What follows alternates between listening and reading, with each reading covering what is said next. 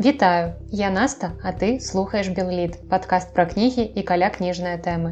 Не ведаю, як вы, а я даволі актыўна сачу за касмічнымі дасягненнямі. Я чытаю розныя кнігі на гэтую тэму, як мастацкія, так і не мастацкія. Я чытаю артыкулы адпаведныя, слухаю падкасты і да чаго я тут гэта ўсё вяду пра космас. Я думаю, што многія ўжо здагадаліся, паглядзеўшы на то, якая сёння дата. У гонар якога свята я записываю гэты выпуск, бо роўна 60 гадоў таму савецкі касманаўт Юры Гагарин здзейсніў першы палёт чалавека ў космас. І дагэтуль там сабачкі лёталі, малпачкі лёталі,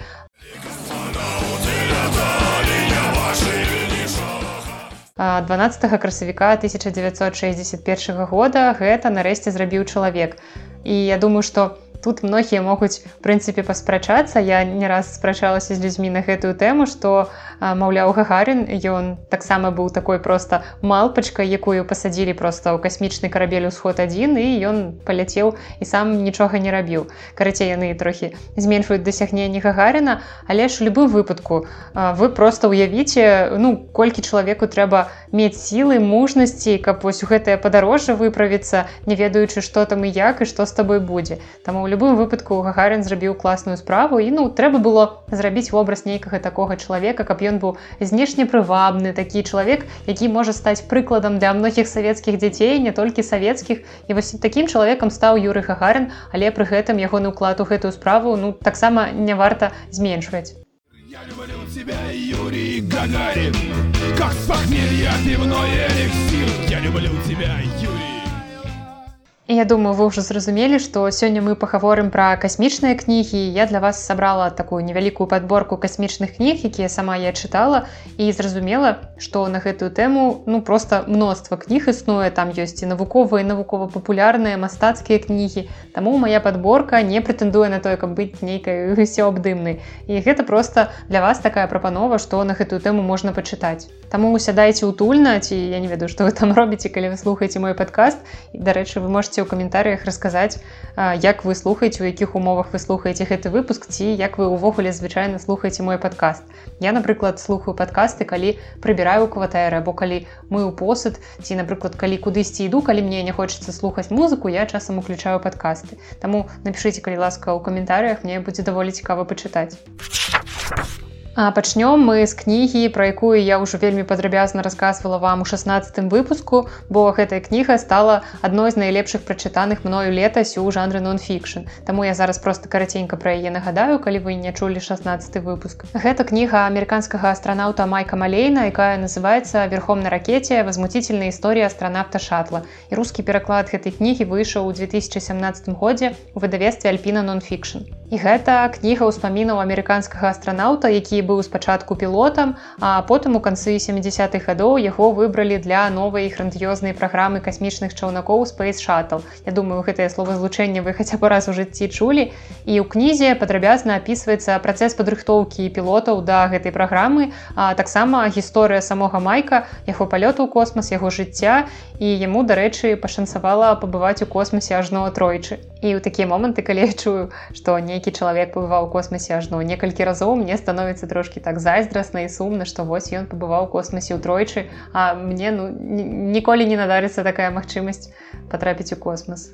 Эх зайздрасць зайздрасць і гэтая кніга яна вельмі змястоўная але яна не пужае тым што яна змястоўная бо там ну такая спецыфічная лексіка не вельмі часта сустракаецца бо гэтая кніга яна напісаная для простых чытачоў непадрыхтаваных і ў ёй вельмі шмат гумару. Малейн вельмі цікавы і смешны чалавек ён шмат жартуе і кнігу ён напісаў у сваім стылі. І таму калі вас не пужае пэўная ну такая скажем неталерантнасць у дачыненні да іншых людзей якую можна сустрэць на старонках гэтай кнігі за якую майк ужо прасіў прабачэння то я вам гэтую кнігу ўсё ж вельмі раю. Майк малейн ягоная кніга верхом на ракете другую кнігу з гэтага выпуску напісаў беларускі аўтар і гэта роман бог кахання марс Сергея балахонова які выйшаў летась у выдавестве янушкевич Пра яго падрабязней я рассказывала у десятым выпуску. А каб вас ужо цяпер неяк зацікавіць гэтай кнігай я скажу што героі гэтай кнігі трапляюць з гомеля э, на марс на сапраўдную касмічную станцыю. І спачатку выкладчык і даследчык старажытнасці егор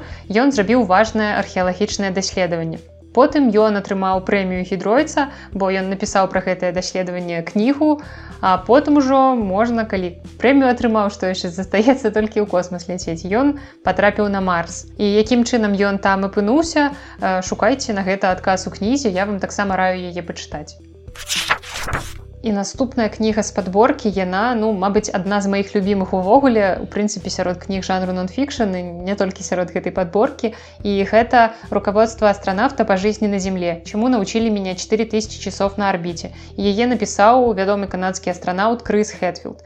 І я вельмі люблю чытаць кнігі менавіта астранаўтаў іх успаміны бо яны ну лепш за ўсіх мабыць ведаюць гэту ўсю унутраную будову касмічнай сістэмы касмічнай прамысловасці як там усё уладкавана як там што адбываецца адбываецца я думаю что толькі яны так класна могуць нам падрабязна расказаць як там яно жывецца зверху і як там нас відаць унізе і крыс хэтфілд ён як і майк малейн быў у космосе тры разы і да таго ж ён стаў першым канадцам які выйшаў адкрыты космас і быў э, стаў ёсць адзіным грамадзінінам канады які пабываў на станцыі мір і яшчэ ён ну я думаю что адзін з самых медыйных астранаўтаў у свеце у Ён часта здымаецца ў розных навуковых фільмах кшталту там былі нейкія дакументалкі на дыскаверы, дзе ён удзельнічаў.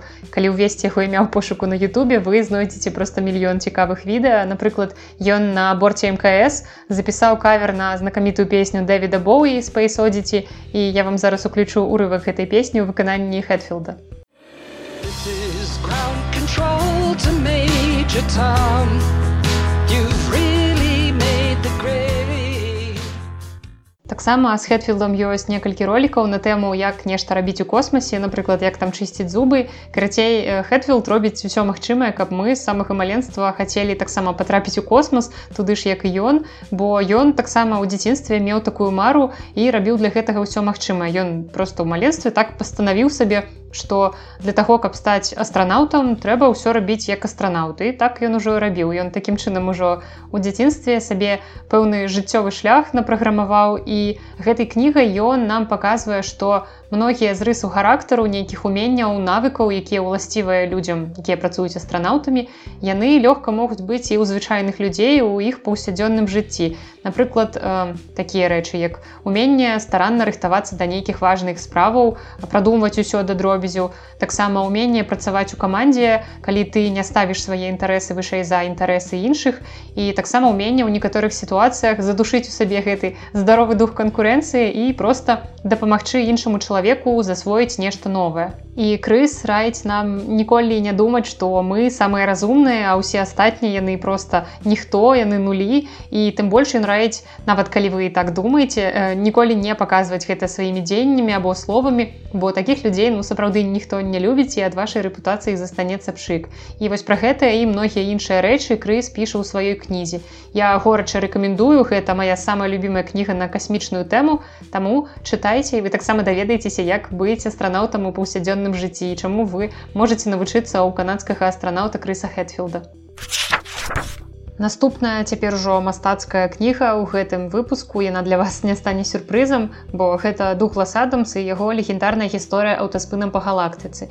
І беларускі пераклад у гэтай кнігі нават ёсць. І ён выйшаў 2015 годзе ў выдавестве Лофіну, пераклаў кнігу ў Павел Касцюкевич. А амерыканскі пісьменнік дуглас Адамс быў вялікім летуценнікам і ён з нашых звычайных зямных і побытавых праблем рабіў выдатныя мастацкія творы і скіроўваў там сваіх герояў бок космосу. І ў гэтым творы творы аўтаспынам па галактыцы галоўны герой артур дэнт пакутае ад таго што ягоны дом стаіць на шляху аўтамабільнага праезда які толькі вось плануюць пабудаваць. І адпаведна дом трэба знесці каб вызваліць месца для дарогі. І ў той жа час з нашай планетай з зямлёй адбываецца тое ж самае што з домам артура. Яна таксама знаходзіцца на шляху міжзоркавай трасы у космосе яе будуюць і зямля там ну трошки лішняя І гэта цудоўная гумарыстычная касмічная фантастыка і калі вы не чытаеце ў арыгінале па-ангельску, то гэтую кнігу я вам раю чытаць у беларускім перакладзе Паўла Касцюкевіча, бо ён просто па-суперску справіўся з адаптацыяй з лакалізацыяй рэалій з кнігі. І вы там сустрэнеце такія штукі, як мандранітавыя капальні планеты Салізорск, таксама паляшускую звышмяту з планеты паляшуз, выданне наша піва і бутэльку віскара пад назвай купалёнка. У апошнія гады нас вось жыхароў зямлі ўсё больш і больш хвалюе пытанне таго як можна асвойваць іншыя планеты. Мы уже з нашай просто не спраўляемся або нам уже тут не цікава на зямлі і мы плануем нейк рухацца далей. І вось Ілон маск ён распрацоўвае такія даволі смелыя ідэі вандровак на марс амерыканскі пісьменнік і навуковы журналіст Стывен Петранак напісаў ажно цэлую кнігу под назвай как мы будзем жыць на марсе і пераклад на рускую мову гэтай кнігі выйшаў 2015 годзе ў выдавецтве корпус і ўжо ў прадмове кнігі нам Стывен паказвае такі ідэальны варыянт развіцця падзей ён напісвае як у 2028 годзе ну уявіць сабе што гэта 7 гадоў толькі засталося першыя каланісты высаджваюцца на марсе і ў іх ёсць такая важная вялікая мэта гэта тэрафарміраванне цэлый план планеты марс. І вось гэтае прыгожае слова доўгае тэрафарміраванне яно значыць што першым пасяленцам трэба будзе марс нейк прыпадобніць да зямлі і зрабіць яго прыдатным для жыцця людзей І далей у кнізе разглядаюцца пытанні, як увогуле гэта ўсё зрабіць, ці рэальна гэта зрабіць наогул. І аказваецца, што ну, не такія ўжо гэтай мары, што гэта даволі рэальна, але разам з тым, што гэта ну, вельмі складана, бо нам трэба будзе насыціць атмасферу марса кіслародам, без якога ну, мы папросту не зможам жыць і дыхаць. І таксама трэба будзе адшукаць крыніцы вады і ну і прынпе вада нам і патрэбная для таго, каб вылучаць кісларод. Ну і таксама тут ёсць просто неверагодная колькасць розных нюансаў рашэнні якіх пакуль што ну далёка не знаходзіцца ў стадыі стопроцентнай гатоўнасці. І таксама ў кнізе аўтар нас знаёміць увогуле з гісторыі асваення космасу распавядае пра першыя ідэі палёту ў космас якія там яшчэ 100 гадоў таму ўзнікалі. Ну і таксама вядома ж ён расказвае пра сучасныя кампаніі якія гэтым займаюцца у тым ліку пра SpaceX. Але касмічная прамысловасць яна ну даволі хутка развіваецца а гэтая кніга яна была напісаная 7 гадоў таму і магчыма ўжо ну трошки састарэла. Хаця я лічу што ўсё роўна можна яе пачытаць пафантазіраваць паўяўляць якімі спосабамі мы можемм збегчы з нашай планеты як мы можемм жыць на іншай планеце у прыватнасці на марсе. Таму я раю вам пачытаць гэтую даволі цікавую кнігу Стывена Петранка как мы будем жыць на марсе на марсе классно пески крутые горы кратеры безумно красивые каналы рядом с экватором герой наступнай кнігі ну вельмі добра ведае што такое каланізацыя марса бо яму гэта давялося рабіць толькі ну не па ўласным жаданні. І нехта мабыць ужо здагадаўся што я так апісваю кнігу амерыканскага пісьменніка энди вейра якая называется марсянин я яе чытала і па-руску і ў арыгінале па-ангельску і глядзела экранізацыю карацей гэтую гісторыю я вельмі люблю і для тых каму вось марсіянин просто мімо прайшоў хто не ведае што гэта такое не ўяўляе я раскажу што герой гэтай кнігі астранаўт марк Вотні застаўся адзін на марсе. Яго каманда палічыла што падчас пылавой буры марк загінуў яны вярнуліся на зямлю але ж ён насамрэч выжыў і яму цяпер трэба неяк не губляць веру ў тое што ёсць магчымасць вярнуцца на зямлю але трэба для пачатку прыдумаць як увогуле тут жыць як што есці як наладзіць контакт зямлёй і гэтая кніга пра тое што калі ў цябе ёсць нейкая ўпэўненасць у сабе у сваіх сілах калі у тебе ёсць нейкі здаровы гумар ён тебе дапаможа выжыць абсалютна ў любой сітуацыі і гэта просто выдатная навуковая фантастыка зразумела што ўжо знайшліся людзі якія знайшлі процьму нейкіх недакладнасцяў можа быть там з навуковага з тэхнічнага боку але з літаратурнага боку гэта выдатны гумарыстычны навукова-фантастычны твор. І калі вы глядзелі фільм то я вам усё роўна раю гэтую кнігу пачытаць. Гэта сапраўды неверагодна захапляльна. І так а Учитывая все это, я могу сделать лишь один вывод. Из этого дерьма меня вытащит только наука. Калі гаворка ідзе пра мастацкія кнігі, якія звязаныя з космасам і асабліва з марсам, то будзе проста злачынствам не згадаць класіку, напрыклад, Рэя Брэдберы з яго марсіянскімі хронікамі. І цяпер нам кніга гэтая вядомая як навукова-фантастычны раман.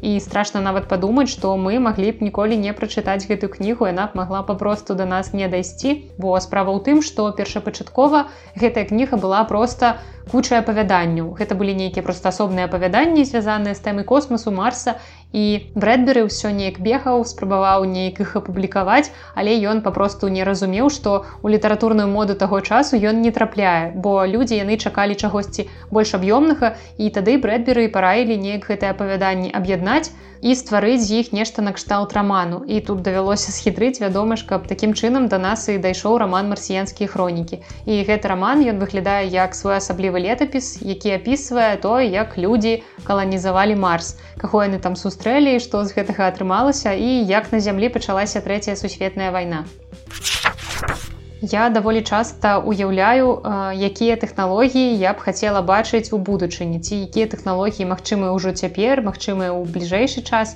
І ў наступнай кнізе якраз здзяйсняецца адна з маіх мар. На жаль, чалавечы век вельмі кароткі і таму адна з такіх галоўных прычын, чаму космас для нас усё яшчэ даволі недасяжны, гэта тое, што мы так мала жывём. У наш час космас усё яшчэ, застаецца недасяжным збольшага таму што мы не маем тэхналогій для даволі хуткага перамяшчэння ў прасторы. Мы ў сваіх перамяшчэннях вельмі абмежаваныя а чалавечы век вельмі кароткі. Таму мы просто не можам сабе дазволіць доўга кудысьці рухацца у кірунку нейкай там зоркі планеты але вось уявіце што для падарожжаў вам больш не трэба збіраць чамаданы.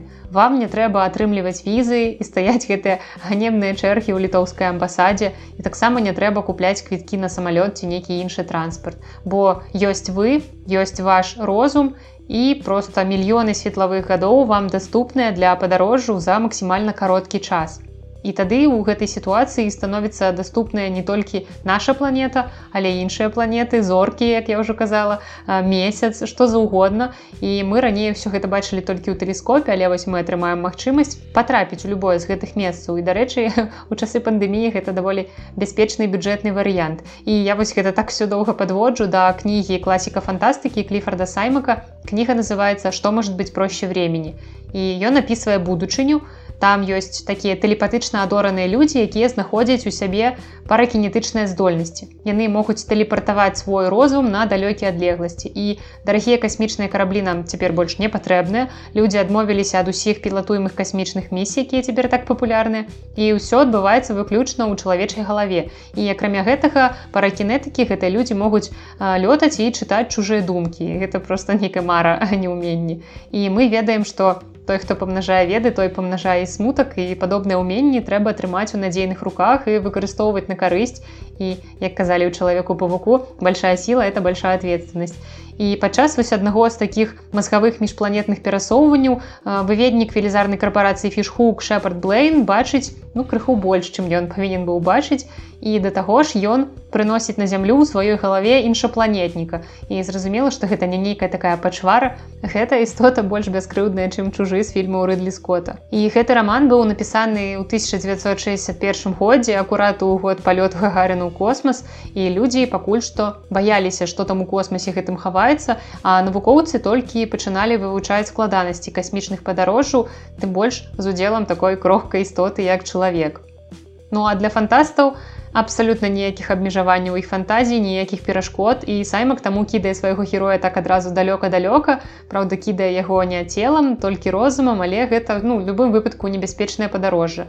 І пасля гэтага падарожжа блейн разам з новым суседам у галаве павінен хавацца ад магутнай карпорацыі бо як я уже казала ён пабачыў тое што ну не мусіў бачыць. І да таго ж ён хаваецца яшчэ і ад недалёкіх людзей якія лічаць што ягоныя здольнасці гэтыя гэта нейкая чорная магія. І ўвогуле ёсць там людзі якія ставяцца да ўсіх паракінетыкаў вельмі насцярожана. Яны лічаць што гэта просто нейкае небяспечнае вядзьмарства.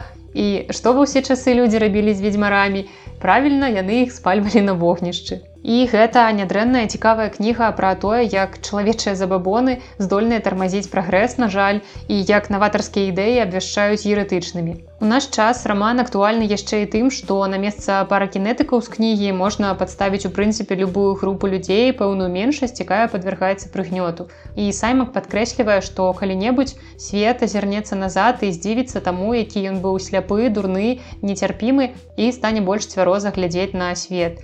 І я тут дасылаю прывітанне аўтару з 21 года, нічога за 60 гадоў, на жаль, не змянілася.